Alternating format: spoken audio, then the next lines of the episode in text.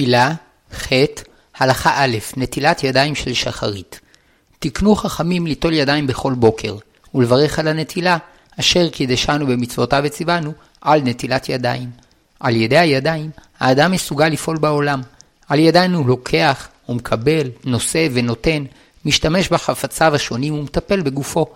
אולם יחד עם ערכן הרב והשימושי, הידיים הן גם אלו שיורדות ומתפלשות בכל עסקי העולם הזה, ויותר מכל איבר אחר, הן נוטות להתלכלך ולהזדהם, וכשצריך להתעלות ולפרוש מעט מהצד הנמוך של העולם, כדי לעסוק בעניינים שבקדושה, נוטלים ידיים. זאת הכוונה הכללית של נטילת ידיים, ובכללה גם נטילת ידיים שחרית. אלא שנחלקו הראשונים בשאלה כלפי מה בדיוק מכוונת הנטילה בשחרית.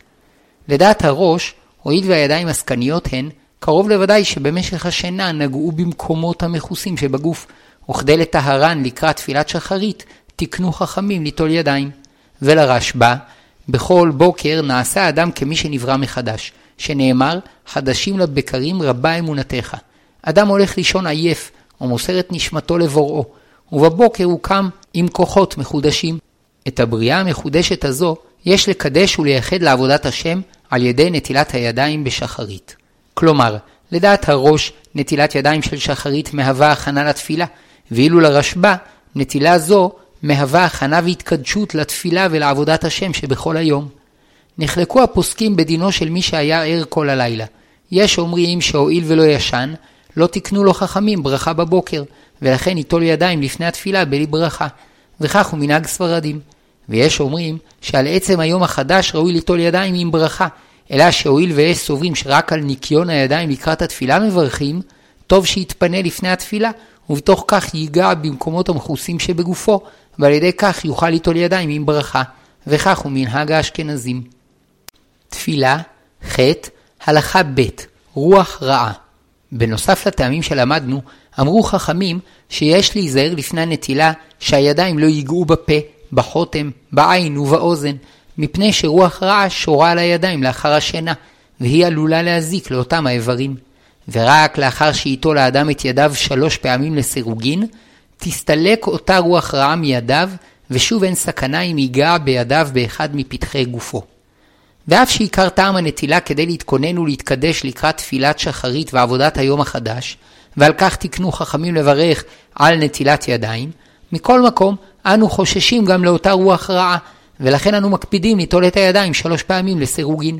דהיינו, קודם נוטלים את יד ימין, ואחר כך את שמאל, ושוב ימין ושמאל, ועוד פעם ימין ושמאל. נמצא שנוטלים כל יד שלוש פעמים לסירוגין. וכן יש להקפיד שלא לנגוע לפני הנטילה באותם האיברים שיש בהם פתח כלפי פנים הגוף, כמו הפה, האף, האוזניים והעיניים. כמו כן, צריך להיזהר שלא לנגוע באוכל או משקה לפני הנטילה. טעם העניין מבואר בקבלה, שבלילה, בעת שהאדם נרדם ונשאר דומם ללא מחשבה ומעשה, תואם כל אדם טעם של מיתה, ואז שורה עליו רוח של טומאה. וזהו שאמרו חכמים שהשינה היא 1 חלקי 60 ממיתה, וזאת משום שעיקר מעלת האדם ביכולתו לחשוב, להרגיש ולפעול למען תיקונו של עולם. ובעת השינה, כשהחידלון מתפשט בו, הוא מאבד במידה מסוימת את צלם האלוקים שבו, וממילא רוח הטומאה שורה עליו, ובעת שהוא מתעורר משנתו ותודעתו חוזרת אליו, רוח הטומאה מסתלקת מכל גופו, ורק בקצה, דהיינו בידיים, נשארת רוח טומאה. ועל ידי נטילת הידיים שלוש פעמים לסירוגין, מסתלקת רוח הטומאה גם מהן. וכדי לבטלה באופן השלם, יש להקדים בכל סדר הנטילה את יד ימין הרומזת למידת החסד. ולכן לוקחים תחילה את הנטלה עם המים ביד ימין, וכדי ליטול תחילה את יד ימין מעבירים את הנטלה ליד שמאל, וכך נוטלים תחילה את ימין, ואחר כך את שמאל, וחוזר חלילה עד שלוש פעמים לכל יד. יש שפרשו שעיקר הנזק של רוח רעה זו הוא לכוחות הרוחניים שבאדם, שאם ייגע בעין ובאוזן לפני הנטילה, כוח הראייה והשמיעה הפנימיים שלו ייפגעו, ויהיה באותו יום כעיוור וחירש בענייני התורה והאמונה. וכן אם ייגע בפה ובחותם, יפגע בכוח הרוחני של האכילה וההערכה. תפילה, ח', הלכה ג', רוח רעה בזמננו. על פי דברי הזוהר והמקובלים, יש ליטול ידיים סמוך לקימה מהשינה, כדי שלא להשהות את רוח הטומאה על הידיים. וכן צריך להיזהר שלא ללכת יותר מארבע אמות לפני נטילת הידיים שחרית, ולכן צריך להכין מים לפני השינה, ולהניחם ליד המיטה, כדי שמיד עם הקימה יוכל ליטול את ידיו. ויש שהקלו בזה, משום שלדעתם כל הבית נחשב כארבע אמות, וכל זמן שאינו צריך לצאת מהבית יותר ממרחק של ארבע אמות כדי ליטול את ידיו, אינו נחשב כמי שמשהה על עצמו רוח טומאה. ויש אומרים שרוח רעה זו בטלה מהעולם. בעלי התוספות הזכירו דעה שרוח רעה זו אינה שורה באלו המלכויות, ארצות אשכנז. ובעל הלחם משנה כתב שמשמע מדברי הרמב"ם שאינו חושש לרוח הרעה שנזכרה בתלמוד. גם המהרש"ל שחי לפני כ-400 שנה והיה אחד מגדולי הפוסקים באשכנז, כתב שאין רוח רעה מצויה בינינו, וכך כתבו עוד כמה פוסקים. כנראה שההבדל בין הדורות נעוץ בכך שבדורות הראשונים הכוח הנפשי, המיסטי, היה בולט וחזק יותר. הדבר התבטא מצד אחד ביכולת להגיע להישגים גבוהים ועמוקים מבחינה נפשית ורוחנית כמו נבואה, ומאידך בגילוי של כוחות טומאה בכישופים ועבודה זרה. במשך הזמן, הכוח השכלי תפס את המקום המרכזי על חשבון הכוחות הנפשיים, ויחד עם הפסקת הנבואה, גם רוחות הטומאה נחלשו ונעלמו, ובמקומן יש רוחות רעות של דעות שקריות ומזויפות. עוד ישנה מסורת מופלאה הקשורה בגרף פוטוצקי, שהיה בן למשפחת אצילים בפולניה, ונשאו ליבו להצטרף לעם ישראל ולהתגייר. כיוון שהדבר היה אסור באותם הימים, התגייר בסתר ועסק בתורה. לבסוף, תפסו הנוצרים, והציעו בפניו שתי אפשרויות, לחזור לנצרות או להישרף חי. גר הצדק בחר למות בשרפה ולקדש שם שמיים ברבים. באותה שעה אמר הגאון מווילנה שרוח הטומאה איבדה מכוחה, ובעיקר ניכר הדבר ברוח הטומאה של שחרית, ולכן תלמידי הגאון מווילנה אינם מקפידים שלא ללכת יותר מארבע אמות לפני הנטילה. למעשה, לדעת החידה, משנה ברורה ובן איש חי, יש להקפיד שלא ללכת יותר מארבע אמות לפני הנטילה. לעומתם ישנם פוסקים שמקלים בזה, או משום שכל הבית נחשב כארבע אמות, או משום שכיום רוח הטומאה שעל הידיים בטלה. וכך הוא המנהג הרווח. אולם גם לדעת הסוברים שאין אותה רוח רעה מצויה כל כך אצלנו, נוהגים להקפיד בכל מה שנזכר בתלמוד, היינו ליטול ידיים שלוש פעמים לסירוגין, ולא לנגוע בפתחי הגוף לפני הנטילה. תפילה, ח', הלכה ד', זמן ברכת על נטילת ידיים. הזמן הנכון לברך את ברכת על נטילת ידיים הוא מיד לאחר הנטילה ולפני הניגוב. ואומנם הכלל הוא שבכל ברכות המצוות יש להקדים את הברכה לעשיית המצווה, ולכן מברכים על הנחת התפילין לפני קשירתם, ועל המזוזה לפני קביעתה. אולם לגבי ברכת על נטילת ידיים, הדין שונה, משום שאין ראוי לברך את הברכה בעוד שהידיים אינן נקיות, ולכן הברכה נדחית עד לאחר הנטילה. אבל כיוון שאין להרחיק את הברכה ממעשה המצווה, מיד לאחר הנטילה, עוד לפני ניגוב הידיים, יש לומר את הברכה. בפועל, אין רגילים לברך מיד עם הנטילה הראשונה שלאחר השינה, מפני שבדרך כלל אנשים צריכים להתפנות לאחר השינה, ואין ראוי לברך ברכה בשעה שעדיין צריך לנקביו, ועוד שלדעת הראש, עיקר הנטילה נועדה להכנה לתפילה, וממילא צריך לברך על הנטילה הסמוכה לתפילה, ולכן, לאחר ההתפנות, נוטלים שוב את הידיים בנטלה, וכיוון שכבר הסירו את הרוח הרעה בנטילה הראשונה, בנטילה השנייה אפשר להסתפק בנטילה אחת לכל יד, ומברכים לפני הניגוב. ואדם שאינו צריך לנקביו בבוקר, יברך את הברכה בנטילה הסמוכה לקימה. הקם משנתו זמן רב לפני שיתפלל, ויודע בוודאות שעד התפילה יצטרך שוב להתפנות לגדולים, יש ספק מתי ראוי שיברך על נטילת ידיים. לרשב"א, שסובר שהנטילה היא לכבוד היום החדש, עדיף שיברך סמוך לקימתו מהשינה.